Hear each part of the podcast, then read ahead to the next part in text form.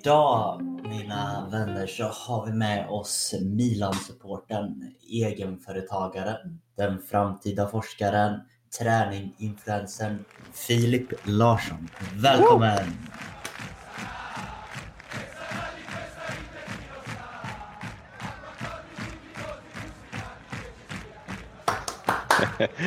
tack, tack. Ja, stämmer bra det. Eh, men det var ju bara några korta ord om hur vi hade beskrivit dig. Men hur skulle du beskriva dig, eller vem är du egentligen? Ja, jo, vem är jag? Vem är jag? Nej, men eh, som sagt, mitt namn fick ni ju rätt i och det, Filip heter jag ju. 24 år gammal, läser idrottsvetenskapliga programmet i Karlstad. Eller ja, de har bytt namn nu i alla fall, men när jag sökte dit så var det idrottsvetenskap i alla fall. Inne på sista terminen nu då. Sen även vid sidan om det så sysslar jag med online-PT, eh, hjälper folk med träningsschema, kostschema och sånt. Sen är jag även fystränare i handboll och sen eh, även lite plats-PT här i lilla Lidköping.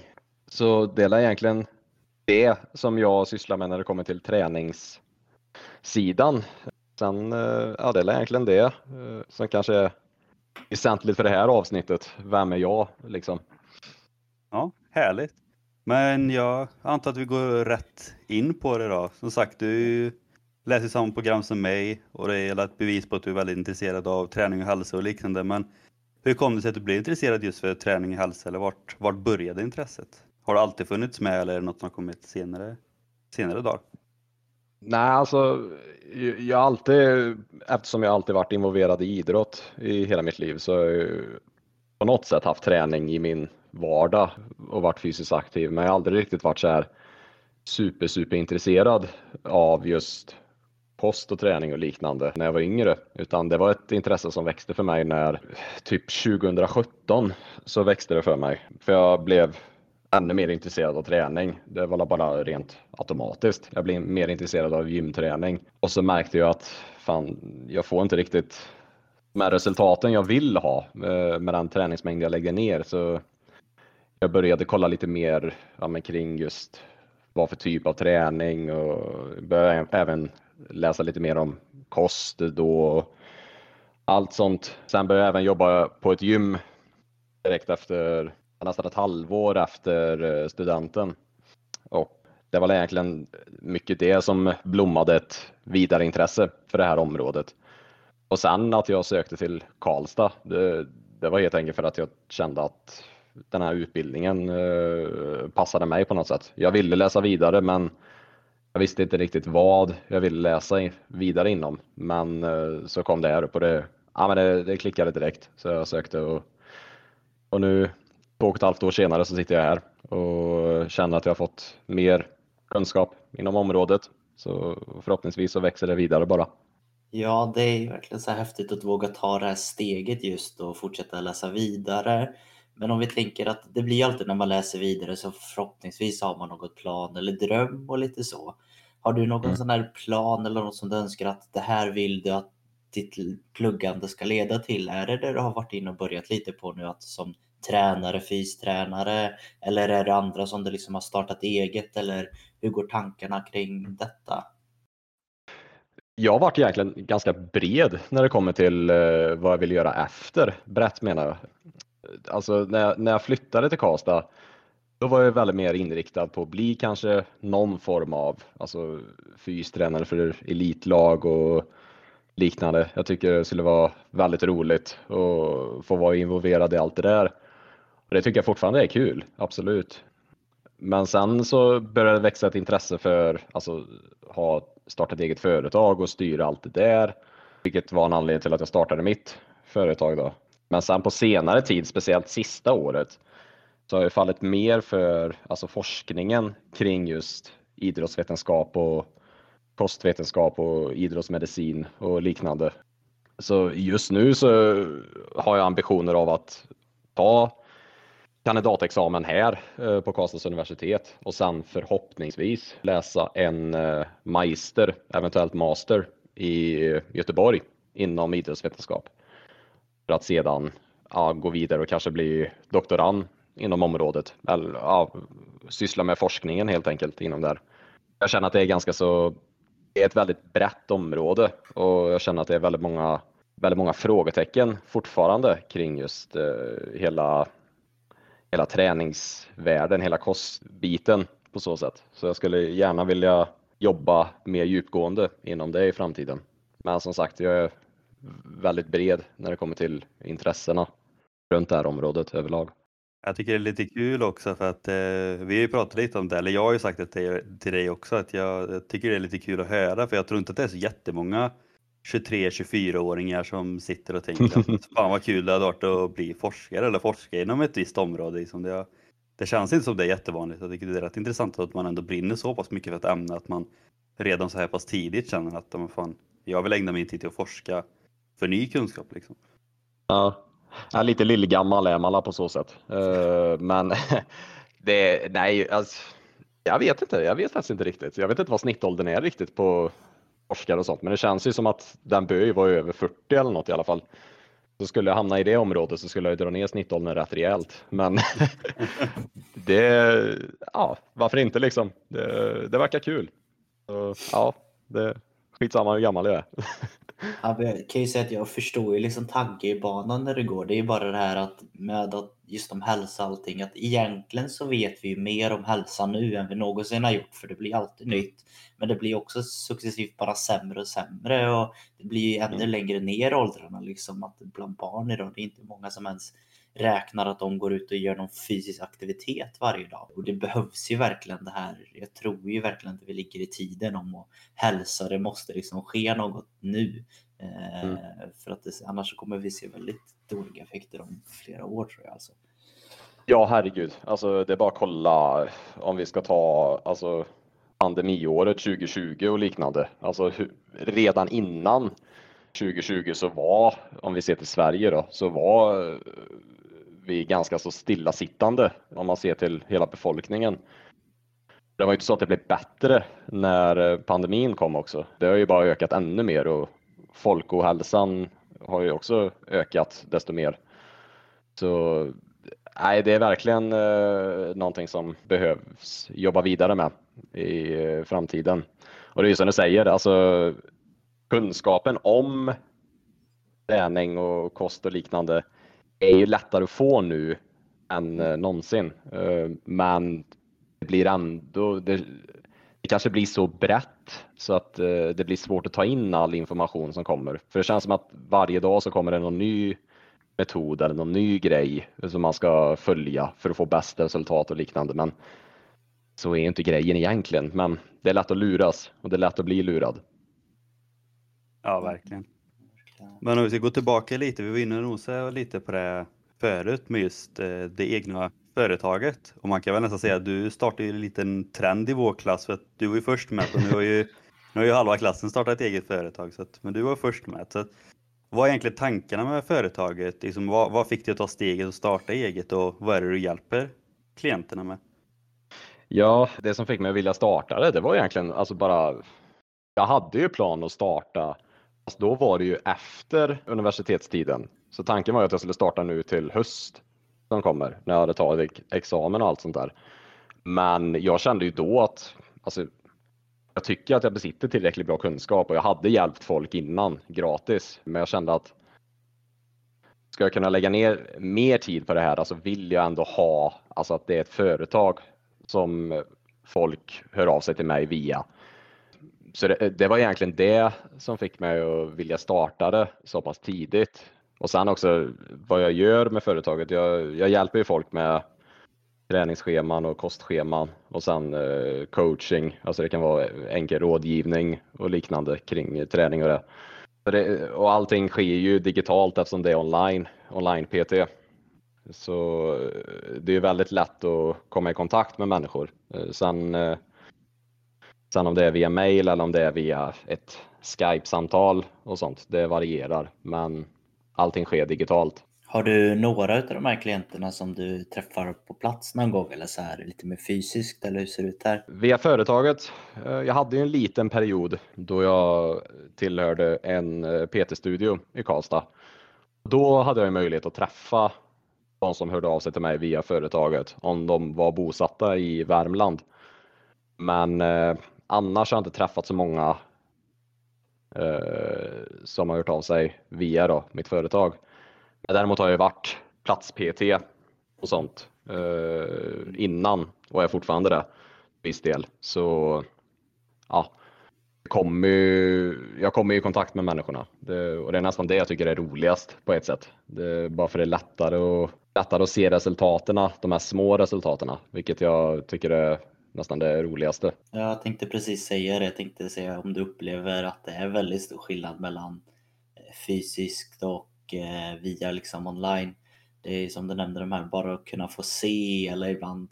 Jag saknar ju, i och med att jag också jobbar lite, jag saknar att få känna eller mer det här liksom hur rör sig kanske ett skulderblad i den här rörelsen eller hur tänker vi mm. liksom med bålen och det, det är ju svårare men det blir ju extremt mycket enklare också när man har tillgång bara till det här videosamtal. Det upplever jag i alla fall att bara få, få, få ett ansikte liksom på klienterna hjälper ju mycket och kan även hjälpa en liksom med hur man coachar dem.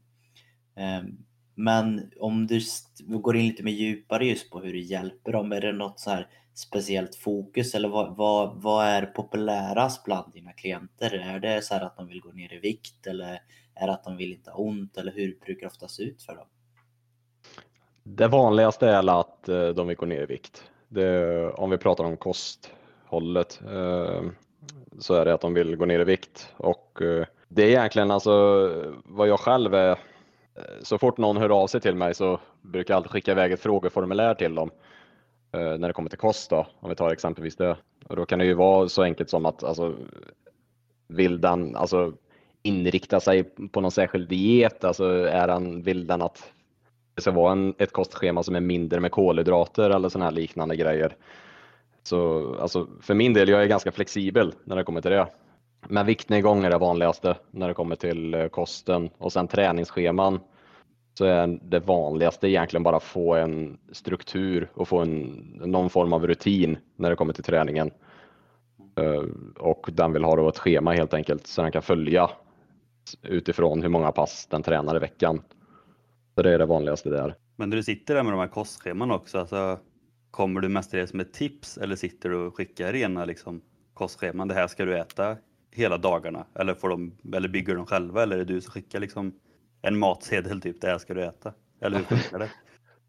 Ja, det, är, det är faktiskt mer liknande mot det. Jag räknar ut alltså, ungefärliga kaloribehovet och så sätter jag upp kolhydrater, protein och fett utifrån ja, men, den personen, vad dens vikt och längd och träningsmängd och liknande.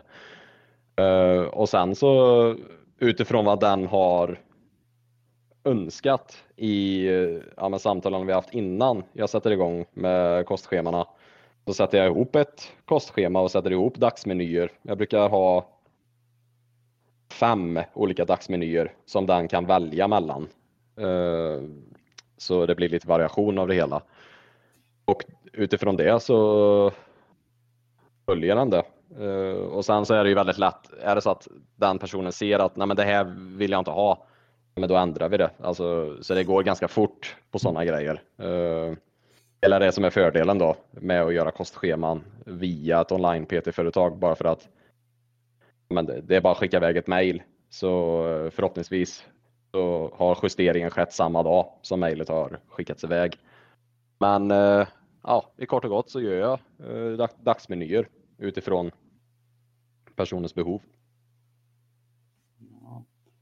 Om vi tänker så här, vi har ju varit inne nu en del just i början om hur du hjälper andra med träningen och kost och sånt. Men om vi pratar lite just om din egen del då, just hur träningen såg ut. Jag såg ju nyss här att det senaste du la ut var att du har kört lite backintervaller, även sprungit lite där innan. Vilket är imponerande att se att man orkar göra det. Men hur ser liksom din egna träning ut och har du något mål just nu med träningen? Uh, ja, herregud. Alltså, jag hade ett annorlunda mål i början på året sett till vad jag tränade då. Uh, då tränade jag sex gånger i veckan och jag tränade tung styrketräning sex gånger i veckan och fokuset hela tiden var på att bli starkare och starkare i varje basövning som jag tränade efter. Men eh, sen så fick jag ett rejält bakslag i mitten på januari liknande så min kropp var totalt slutkörd så jag fick hålla upp hela februari ifrån all form av fysisk aktivitet. Och sedan i ungefär mitten på mars så fick jag sätta igång med att försöka komma tillbaka till träningen igen och ja, men, börja lyfta lite skrot helt enkelt, för det är det jag tycker är roligast. Så ända sedan dess fram tills nu ungefär så har jag fått tillbaka en rutin åtminstone, alltså kunna träna mycket träning tre, fyra gånger i veckan, kunna sakta men säkert börja eh, lyfta tyngre helt enkelt. Och sen även så för, alltså hålla igång med konditionsträningen också. Som exempelvis då backintervaller. Så mitt mål just nu med träningen, det är egentligen bara att alltså, komma tillbaka eh, till det jag var innan och sakta men säkert bara fortsätta bli bättre och bättre inom det hela. Bara man kommer iväg och tränar så tänker jag att de flesta mål är faktiskt nyttiga för en. Mm. Ja men precis, så det är det. Eh, om vi går in ännu mer på din träning, jag tror det kan också vara nyttigt för framförallt våra lyssnare här. Jag och Henrik har pratat om det en del att ibland är inte alltid träning lätt för även de som inom parentes har koll på det. Men mm. om vi tar det för din egen del, att vad upplever du liksom har varit tuffast eller svårast med din egna träning? Har du något mer så exempel som har verkligen gjort att förutom det här kanske att det blev lite för mycket träning där ett tag som du önskar att du hade vetat när du liksom. Började träna? Uh, alltså, just nu tycker jag det känns klart. Uh, alltså, ända sedan jag försökte komma tillbaka så har jag verkligen satt min, min kunskap på prov uh, genom att jag själv nu är nästan kund till mig själv uh, när det kommer till sådana grejer. Men om man ska ta det då så hade jag ju önskat att jag lyssnade mer på kroppen betydligt mer och eh, utgick ifrån men hur resten av min vardag såg ut då. Och jag tror det är nog det mest klassiska misstaget många gör som kanske har hållit igång med träning länge. Att eh, man inte lyssnar på kroppen utan man, man kör på maniskt bara. Det, så enkelt är det. Vilket är väldigt lätt eh, ifall man är till exempel i bra stim med träningen eller liknande. Att man, man lyssnar inte, man, man bara kör, man bara kör på. Men problemet då är ju att när det väl kommer ett bakslag så kan det vara ganska rejält bakslag. Sen såklart när jag började träna och allting, då, då var det nog mer det här, men vad ska jag träna och hur ska jag träna och hur, hur ofta ska jag träna och sådana här liknande saker. Men det, jag tror det är väldigt klassiskt bland alla som är nya till träningen och känna så. Det är väl något som vi har tagit upp ganska ofta i podden hittills också, just det här med att just vikten av att lyssna på sin kropp, att det är nog mm. man måste göra för att annars är det lätt att man hamnar i just det här nedbrytningsstadiet och man liksom aldrig bygger upp sig igen. Men det är som du säger, det är inte alltid så lätt. Alltså oavsett hur, hur erfaren man är inom träning, oavsett om man är ny eller man är jätteerfaren, det är inte alltid så lätt att kunna lyssna på kroppen för det är inte alltid man vet hur illa det är innan det är för sent heller. Nej, precis. Och sen blir det det här alltså, för man tänker ju, när man tänker träning, då tänker man ju att man ska åka till gymmet eller åka till spåret och man ska köra, man ska köra slut på sig själv. Annars så räknas inte det träningspasset. Men så är det ju inte riktigt. Alltså, det är ju någonting som har varit en väldig fördel det senaste, senaste decenniet egentligen när det kommer till eh, idrottsforskning och det. Alltså att där man kan se att du behöver inte köra 140 procent varje träningspass om du tränar ofta på veckorna, utan då är det nästan mer fördelaktigt att bara några pass i veckan hålla sig lugnt eh, bara för att ge kroppen återhämtning. För du har så pass stor stimulans till musklerna eller till din konditionsträning och liknande. Men om vi då går över lite mer på själva kostdelen av det här avsnittet. Mm. Dieter är ju något som är väldigt populärt, eller det har väl varit länge. Det finns ju hur många olika dieter som helst och man hör ju folk som testar väldigt många olika dieter och liknande. Så att, jag fråga dig helt enkelt, är dieter, är dieter något som du rekommenderar och i så fall vilken diet är den bästa? Dieter är ingenting jag rekommenderar om inte den personen verkligen vill ha den dieten. För det, alltså vissa dieter har ju vissa människor lättare att följa. Alltså om vi, vi kan ta exempelvis Keto eller LCHF. Det är två kosthållningar som är ja, men kanske bra ifall man är känslig mot kolhydrater. Ifall man, eh, ens kropp svarar dåligt på kolhydrater. Vissa blir alltså slöa av kolhydrater. Vissa kanske blir eh, lite gasiga i magen eller känner sig uppblåsta och liknande.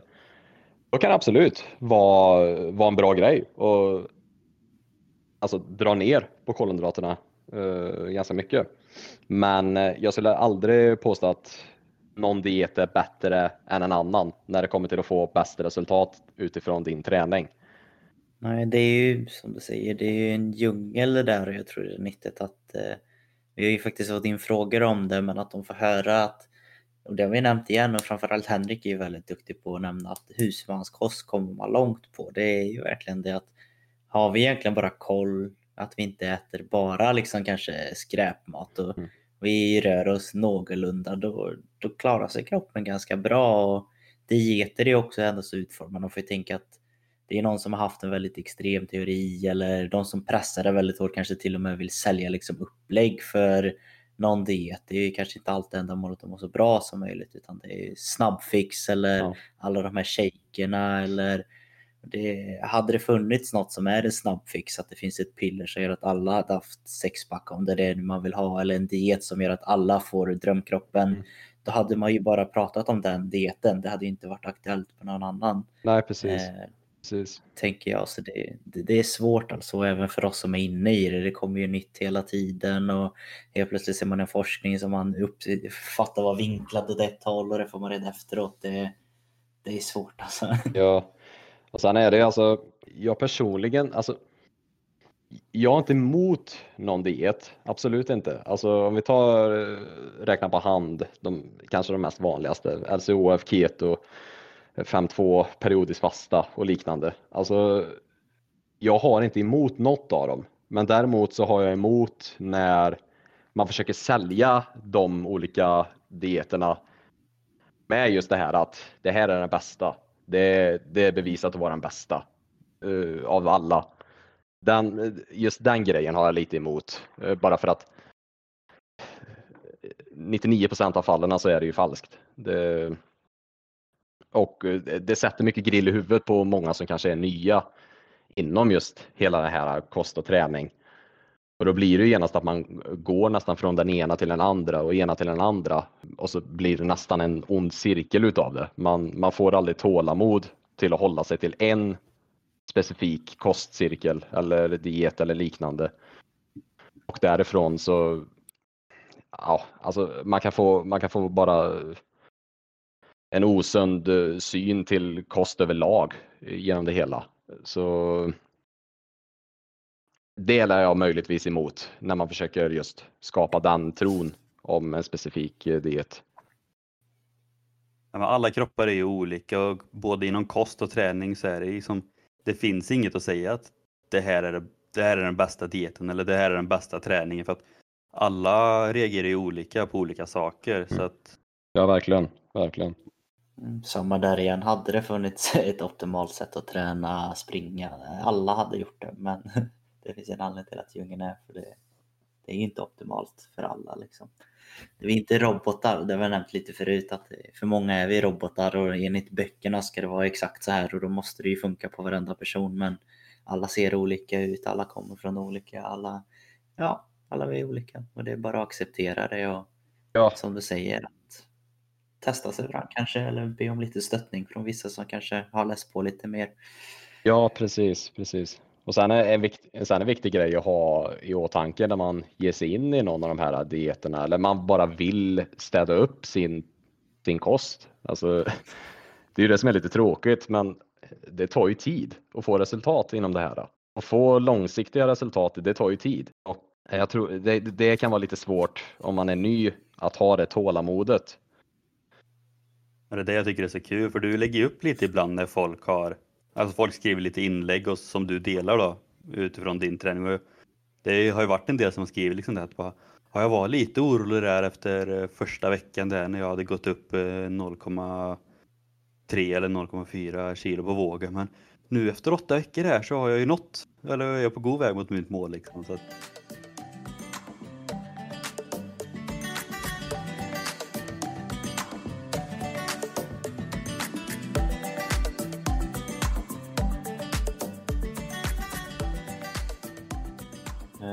men jag tänker vi rör oss vidare lite till nästa punkt då. Det här är väl någon punkt som ganska är ganska aktuell för eh, allt det här med kosttillskott och sånt fortsätter ju växa mer och mer och man vet inte riktigt vad som är rätt eller fel. Men vi bägge två, kanske ännu mer jag, jag, jag kan ju bara prata ut för mig, men jag fastnar väldigt mycket vid den här texten som du skrev just om kreatin, för det är någonting som man hört från första dagen man börjar ens tänka på i och med att kreatin är något du måste ta.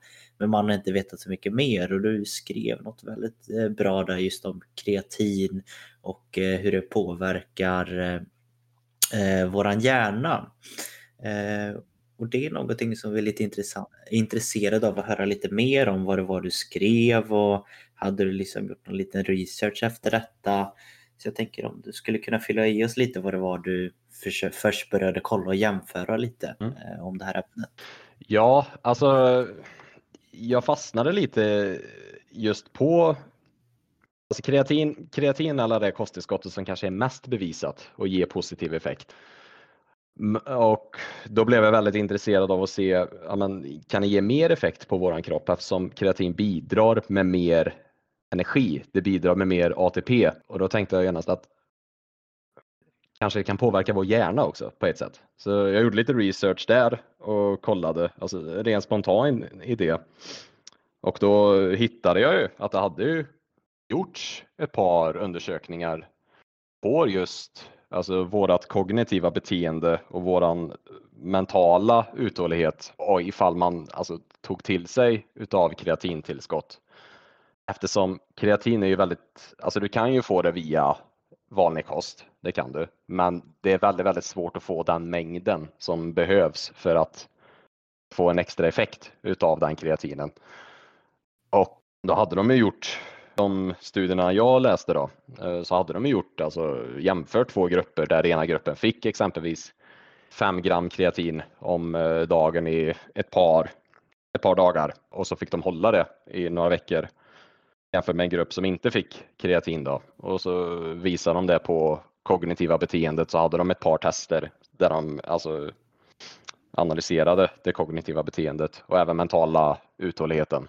Och bägge bägge de eh, punkterna eh, alltså visade ju en förbättring ifall du använder dig utav kreatin.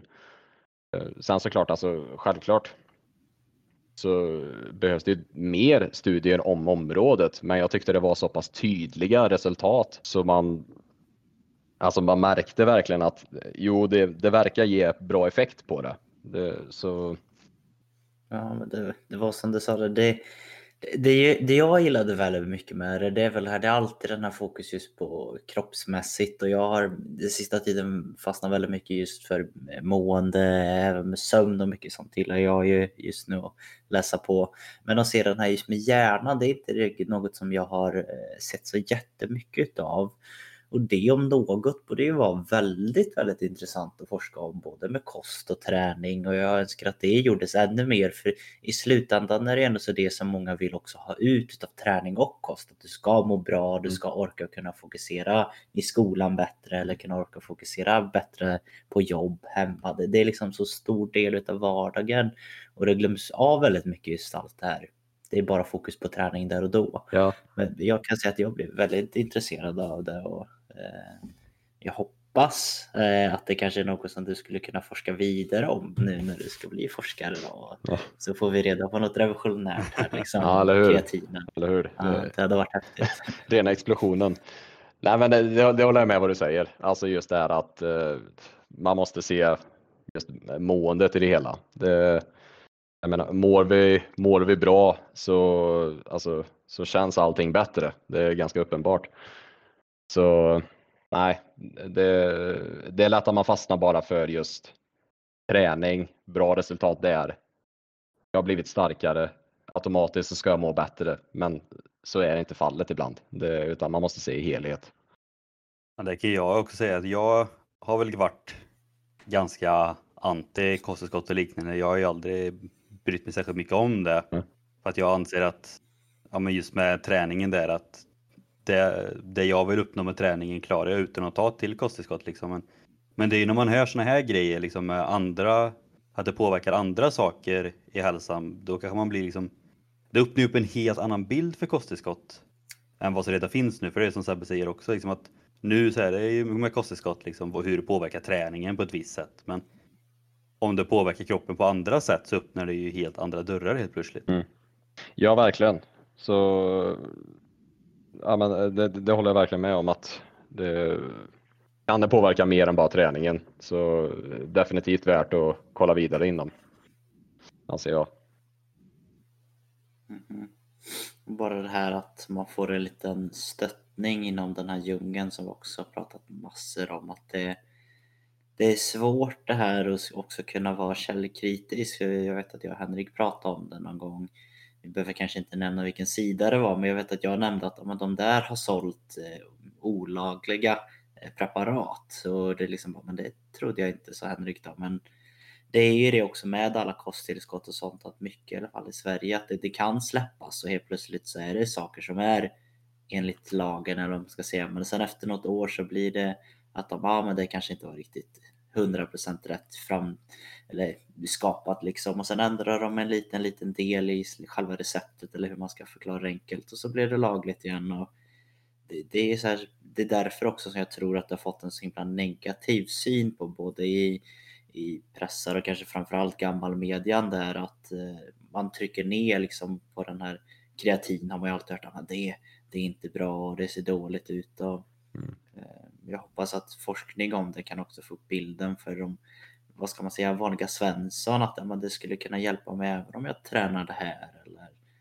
eh, ja, jag vet inte hur jag ska lägga det, jag bara säger igen att eh, när jag såg det första gången där om kreatin och hjärnan då var det verkligen så att ja, jag har nog läst om den flera gånger, jag har inte koll på många gånger. Men jag gillar det. Alltså. Ja, precis. Nej, men det håller jag med om. Det är ett enormt hav när det kommer till kosttillskott. Och det, alltså, man, vet, man vet knappt hälften vad det innehåller. Alltså, det, när man läser eh, olika alltså piller och liknande vad det, vad det innehåller. Man, alltså, man vet inte ens om det är Alltså, vad, det är för, vad, det är för, vad det är för språk texten är egentligen på. Det, det, ren grekiska eller någonting. Men, ja, men så det är, man, eh, om jag skulle ge något tips alltså till någon som kollar på kosttillskott och funderar på att skaffa sig någonting. Alltså, jag skulle nästan säga håll dig till basics. Alltså, det behöver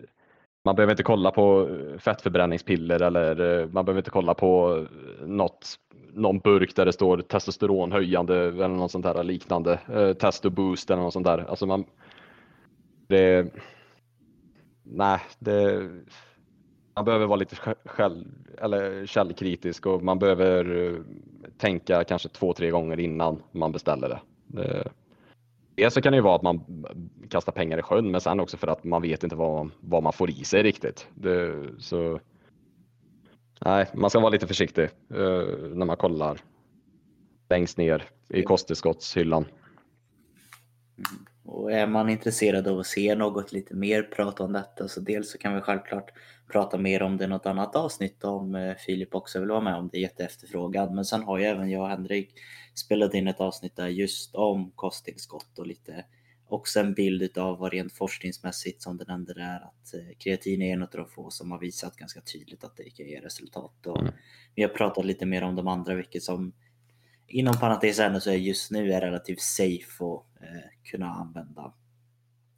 Eh, men i slutändan så är allting ändå så någonting som är form av kosten och det för oss ändå så vidare in på nästa punkt. Eh, och det är hur viktigt är egentligen kosten för träningen? Att, finns det någon forskning som du vet att det är viktigare med träning eller kosten eller är det liksom att bägge påverkar varandra lika mycket? Jag skulle säga ju mer erfaren du blir inom träning, desto mer kommer kosten betyda. Det blir, när man sätter igång och träna, eh, egentligen oavsett ålder, eh, så kommer man ju få resultat. Eh, man brukar kalla det, alltså, om man läser eh, i, utomlands, newbie gains som det heter. Alltså, första året inom träning så får man eh, snabba resultat och det är bara för kroppen inte van vid den träningen eller någon träning överhuvudtaget. Då får man resultat egentligen oavsett hur man, hur man äter utanför eh, träningen. Men kommer man in kanske två, tre år in i träningen, då, då kommer kosten spela en betydligt större roll eh, om du ska träna för att få resultat och liknande. Och sen också välmåendet överlag. Men jag skulle säga kosten är, jag skulle nästan säga kosten är, om man jämför kost och träning, alltså jag skulle nästan säga att det är 60-40 eh, mot kosten eh, när det kommer till att få resultat överlag. Man har ju också hört det här några gånger att ja, är du duktig så kanske du, eller duktig, men tränar du mycket då kanske du kan lägga ner två, två timmar per dag då, kanske på träning. Och sen är det ändå så massor med timmar kvar liksom. Det är 22 timmar till som du ska återhämta och äta på liksom. Eh, så man hör ju där att det är så många mer timmar som hör ihop med allting annat egentligen. Precis. Det är väldigt bra förklaring, alltså det du menar. Det, tränar du två timmar om dagen, men vad gör du resten av de 22 timmarna? Det är lite så. Mm. Man brukar också känna ganska tydligt när man tränar också beroende på hur man har ätit. Alltså, har man ätit lite dåligt eller lite sämre den senaste dagen eller de senaste dagarna så känner man ju av det väldigt tydligt mm. på träningen. Ja, ja, herregud. Det, är bara jämföra. Jag vet inte om någon av er två har varit i exempelvis medvetet kaloriunderskott under en längre period jämfört med om man har varit i medvetet kaloriöverskott under en längre period. Just hur energinivån alltså verkligen är dag och natt om man jämför de två hållen. Det, det tycker jag är en bra jämförelse eh, när man ska förklara hur viktig kosten är och hur, hur kosten bidrar med energi. Eh, jag tänker att vi kan försöka röra oss vidare lite mer. Vi lär oss kanske in lite på lyssnarfrågor och annat har vi tänkt försöka kalla det här segmentet, Henrik. Ja, eller blir det en kom lite comeback för vårt favoritsegment som har varit lite, lite på is? Dagens mm. fråga. Oh. Eller dagens fråga. Eh, och dagens fråga då för er som lyssnar igen, det är ju när vi kanske framförallt ställer frågor på vår Instagram till er där vi ber att nu vill ha fråga om det här eller nu har vi den här gästen som är duktig på det. Och ibland så kan vi också bara få in frågor allmänt som blir skickade till oss. Eh, men på Instagram hittar ni oss under Traning Podcast. Ja. Ska du börja med en fråga som du har fått Henrik, tänker jag? Jag tänkte faktiskt börja med en fråga från mig. Mm. Ja, du försökte ju, eller försökte, du skickade ju till mig häromdagen något helt nytt som jag sa, det, det här lät som du hade plockat från Black Panther. ja, precis. Så, så nu får du förklara här för våra lyssnare. Vad är ashwagandha? Ja, uh, ja precis. Uh, nej, men jag, jag satt en dag, uh, det var regnigt ute. Jag hade inget, inget särskilt att göra. Det, så jag tänkte att nej, men jag, jag kollar runt lite. Jag kollar runt lite. Uh, på tal om det här 24 år gammal och kolla runt på studier, hemsidor. Det är också ett friskt beteende på ett sätt. Men uh, då hittade jag, uh, då hade det gjorts någon, någon form av metaanalys på ashwagandha. Eh, och jag tänkte först att väldigt coolt namn så jag kollade först vad ashwagandha var för någonting. Och då är det ju någon indisk ört som eh, har funnits i tusentals år. Eh, och vad det, vad det skulle användas för så är det tydligen att det ska bidra med att det sänker våra stresshormoner i kroppen, exempelvis kortisol eller adrenalin, ifall man har problem med stress eller ångest och liknande.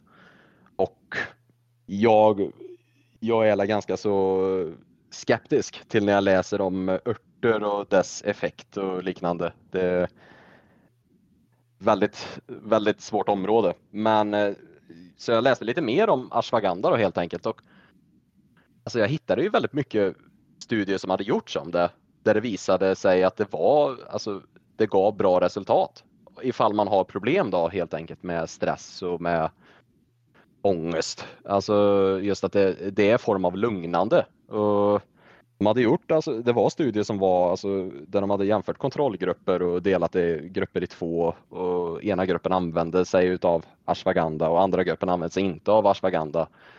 Och så följer eh, samma träning, samma, alltså, samma sömn, antal sömntimmar på nätterna och liknande. Och där hade man, alltså, man hade sett resultat på just grupper som hade använt sig av ashwagandha att det gav bättre effekt. Det var lugnande helt enkelt. Men som sagt, alltså, jag skriver faktiskt lite om det nu och hade tänkt att lägga ut på mitt Instagramkonto så att det blir lite bättre summering utav det. Jag tänkte även länka då, de där studierna som jag läste inom. Men eh, ja, som sagt, jag fastnade vid det på grund av att det var ett fruktansvärt coolt namn. Men eh, sen när jag läste mer studier om det så var det ju bra resultat helt enkelt. Det, så nej, det, det, var, det var en häftig dag på så sätt. Men ja, jo, du verkar inte så såld på det, det om man säger så. Först, ja, först, det... först, skrev du Wakanda och det är ju, det är ju från Black Panther.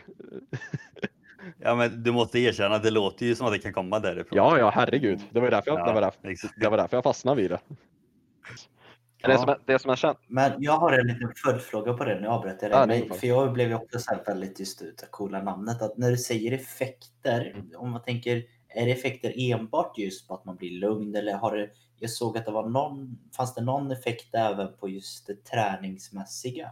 Eller hur, hur ser det ut? Ja, alltså de hade ju då undersökt, de här människorna som deltog då i undersökningen Eh, upplevde sig själva som mer stressade och de hade lite problem med panikångestsyndrom. Eh, och eh, då fick de använda sig utav ashwagandha då. Eh, och eh, samtidigt så tränar de ju. Och efter att de hade använt sig utav det här då, så visade det sig även att deras träning svarade upp bättre och då försökte de hitta något samband men kan ashwagandha påverka alltså, vårt testosteron eller kan ashwagandha påverka alltså, energinivån på det sättet? Och det, alltså de, de hittade ju spår av det, men jag personligen tror ju mer att det är bara en bieffekt av att de känner sig mindre stressade och de mådde bättre bara rent allmänt. För ja, men lite som vi pratade om i början på eh, avsnittet att Mår man bättre så får man bättre resultat och är man lugnare så får man bättre resultat också. Kroppen svarar upp bättre. Jag tror snarare det är mer det, att vara en bieffekt av att det påverkade just att det sänkte kortisolnivån i kroppen och det sänkte även adrenalinnivån i kroppen. Jag tror, men som sagt, ska man långsökt så, ja, så har det någon viss effekt på träningen. Bra. Ska jag ta den riktiga frågan då? ja, det är riktigt. Jag tyckte den förra var riktig och i och med att det är den andra ja, jag skrivit ner liksom, vad skön är ashwagandha? Det var det jag ville få reda på. Jag kan lova, det är inte många som pratar igenom om ashwagandha eh, i ett poddavsnitt i alla fall. Så det, det får ni skylta med. ja. Men här är en fråga som jag har fått på min privata Instagram ja. från en eh, ja, lyssnare.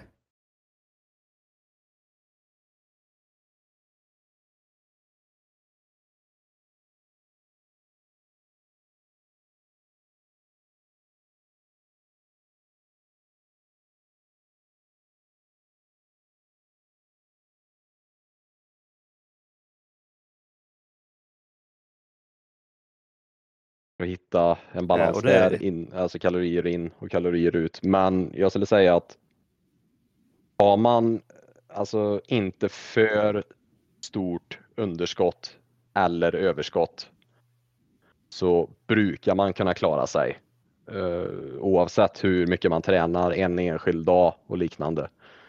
Den, alltså, sen beror det på hur mycket man alltså, mäter och liknande. Är det så att man kanske kollar, kollar sin vikt ganska ofta. Det kan man ju märka ganska snabbt ifall man är i ett stort underskott.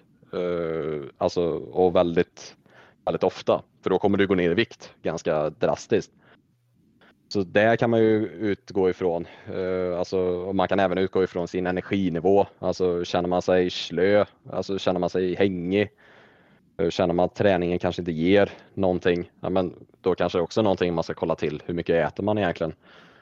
Och liknande. Så man får försöka jämföra på så sätt. Eh, och sen när det kommer till alltså hitta balans med sin kost. Det, jag brukar alltid tänka, alltså om man är i ett kostschema eller i en diet och liknande så brukar jag alltid tänka, kan du se dig själv göra det här eh, om en månad eller om två månader eller kanske om 12 månader? Alltså, man, man, får, man får försöka tänka lite långsiktigt ifall det är så att man vill skaffa en, eh, en bra kosthållning. Så man får se lite långsiktigt när det kommer till sådana saker. Men det är de bästa tipsen jag skulle säga i alla fall. Jag vet inte, ni kanske har några? Ja, men det låter återkommande där just det här med långsiktigheten och det Mm. tycker jag är viktigt i allt egentligen. Mm. Ja, och bara där och då, det är väl något som du nämnde där som jag också trycker väldigt mycket på.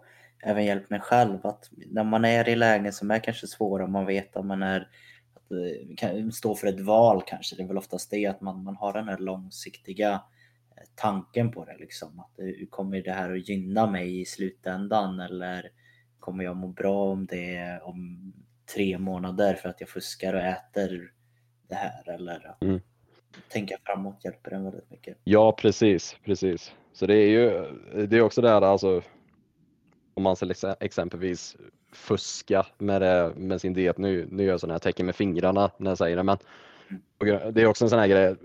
Alltså. Det, det är ju inte realistiskt att man skulle alltså vara superstrikt med sin kost och sin diet sju dagar i veckan året runt. Det, det är inte realistiskt för fem öre egentligen. Det- Så det är också någonting som man får. Man får inte vara för hård mot sig själv egentligen, utan tänk istället att ja, men, tillåter jag mig själv till att kanske komma undan lite ifrån tänka på eh, kost och allt det här så kommer jag troligtvis hålla det här ännu längre. Och resultaten kommer komma förr eller senare eh, oavsett eh, egentligen.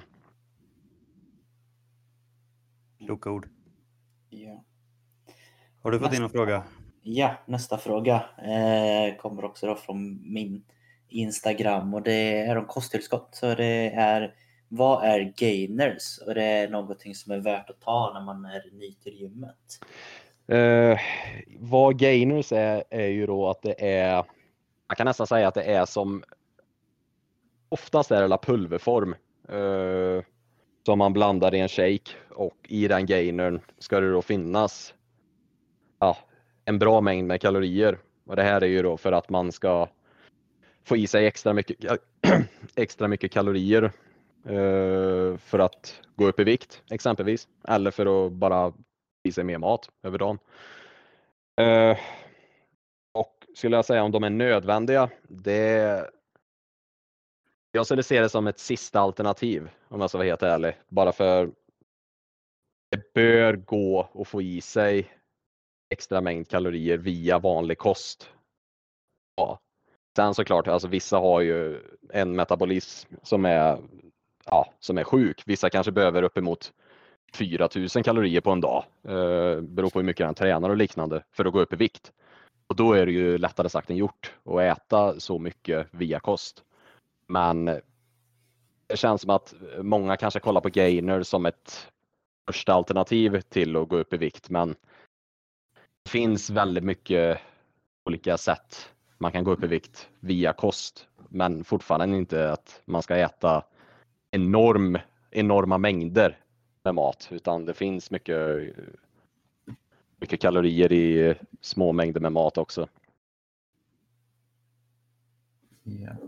Ett tips där är ju mycket oljor. Vet jag brukar till mina. Ja, vad du steker i och vad man kan ta på det. Bara några matskedar där på en dag kan göra väldigt mycket rent kalorimässigt. ja precis. Det, dadlar vet jag, det brukar jag ibland också föreslå ifall någon som har dålig, dålig aptit och vill trycka i sig lite mer. Jag ska bara stänga fönstret här för nu fick grannen för sig att sopa löv eller någonting. Så sopa det är inte en enda jävla löv på marken. Så, nu är jag tillbaka igen.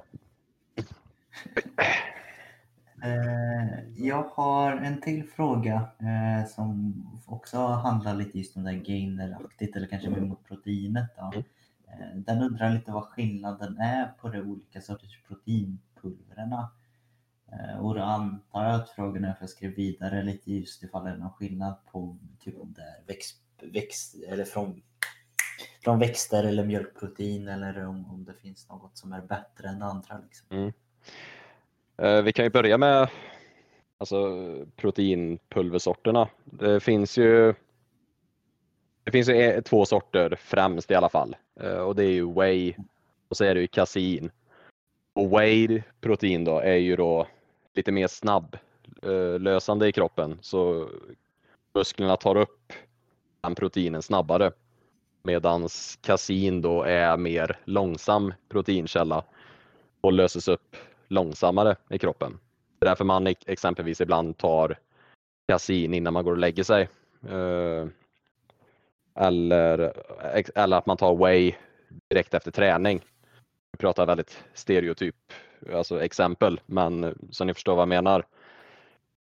Eh, och sen om vi, vad var följdfrågan till det? Var det Eh, om det är någonting som är mer optimalt eller om det är någonting som kom, kommer att hjälpa han att kunna bygga eh, muskler bättre. Eh, alltså har man, har man koll på sitt totala proteinintag på en dag, då skulle inte jag säga att det gör någon skillnad om man tar i sig en kasinshake eller en whey proteinshake. Det, det skulle inte jag påstå. Eh, sen såklart, hjälper det att få i sig extra protein? Ja, men fine. Men inte så att kasin ger bättre resultat än whey eh, i helhet. Det var frågorna vi hade då, Henrik. Antar jag. Ja. Så jag antar att vi går vidare på sista segmentet. Mhm. Och den kallar vi ju för fem snabba frågor men ännu så inte så snabba frågor. Jajamän. Bästa segmentet vi har för hela Ja, det, Eh, Men det går ju ut på att vi ställer fem frågor. Eh, Vi brukar nämna överlag så har du fått ett litet hum om vad det är som ska komma. Men just de här fem sista frågorna är någonting som du står helt blank inför. Okej. Så det här blir intressant att se vad du svarar på dessa helt Ja. enkelt. Och då vill vi då ha snabba svar fast ändå inte jättesnabba. Okej, okej. Yes. Ja, men jag ska försöka hålla mig. Så frå fråga, fråga nummer ett. Squash eller paddel? Eh, squash. Enkelt. Ja, jag vill ha med den för visst vi, vi har spelat ganska mycket squash och jag vet att du har lite agg mot paddel. Du, du vet vad jag hade svarat där. Det, det, herregud, det vet du. Jajamän. Fråga nummer två. En eh, klassisk fråga här nu. Om du bara fick välja en övning att göra i resten av ditt liv, vilken hade det varit? Eh, dips. Första som inte säger burpees. Fan. Ja. Hur, hur tänker du när du väljer dips? Ja, för frågan var vilken övning skulle jag vilja göra resten av mitt liv? Ja, okej. Ja. Jag tycker dips, eh, jag vet inte, jag, jag tycker om dips. Det, det tar bra på brösten, framsida axlar, triceps.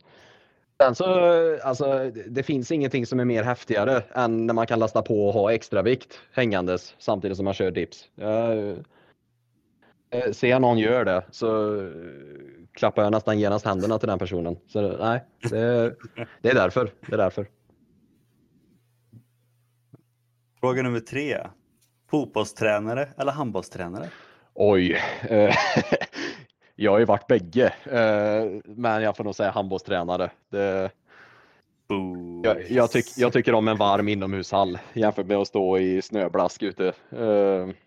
Sen såklart om man säger fotbollstränare i Spanien eller Italien eller handbollstränare, då hade jag nog sagt fotbollstränare. Men det, Har du glömt bort den matchen när du och jag stod där utanför av- avbytarbåset i ösregn en hel Ja. halvlek och bara stod? nej, jag har inte glömt. Det var ju härligt. Nej, jag har inte glömt det. Jag har fortfarande frostskador kvar på tårna. Eh, Det trökaste är att ingen tog en bild när vi står där. Det, det hade Nej. definitivt blivit eh, alltså, årets bild i Värmland eh, när det kommer till idrott. Men Ja, ja, ja, man får ta upp den karriären igen, bara för bildens skull. ja, nästan. Fråga nummer fyra. Den här är också lite intressant för du är ett stort MMA-fan. Mm.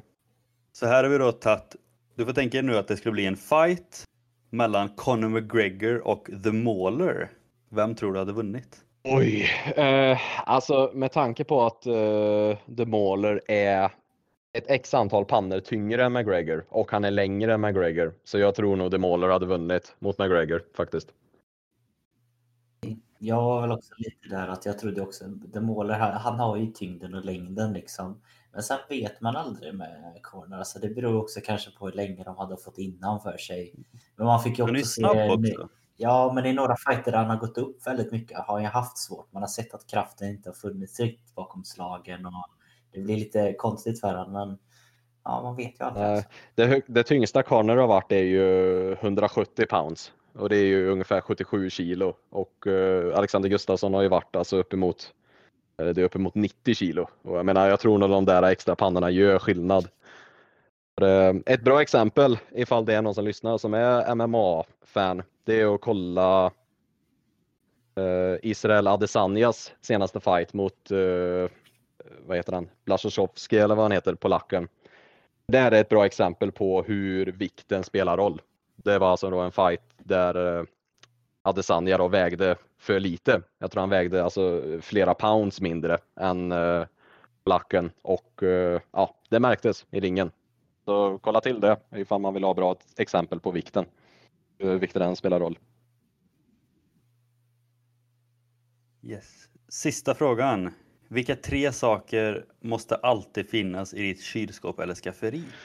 Åh herregud. Uh, ja, nu har jag varit student i tre år så nu har jag ju hållit mig till studentgrejer. Men jag skulle säga viktigaste. Uh, räknas jordnötssmör ifall jag slänger in det i kylskåpet? Jajamän, då tar jag det.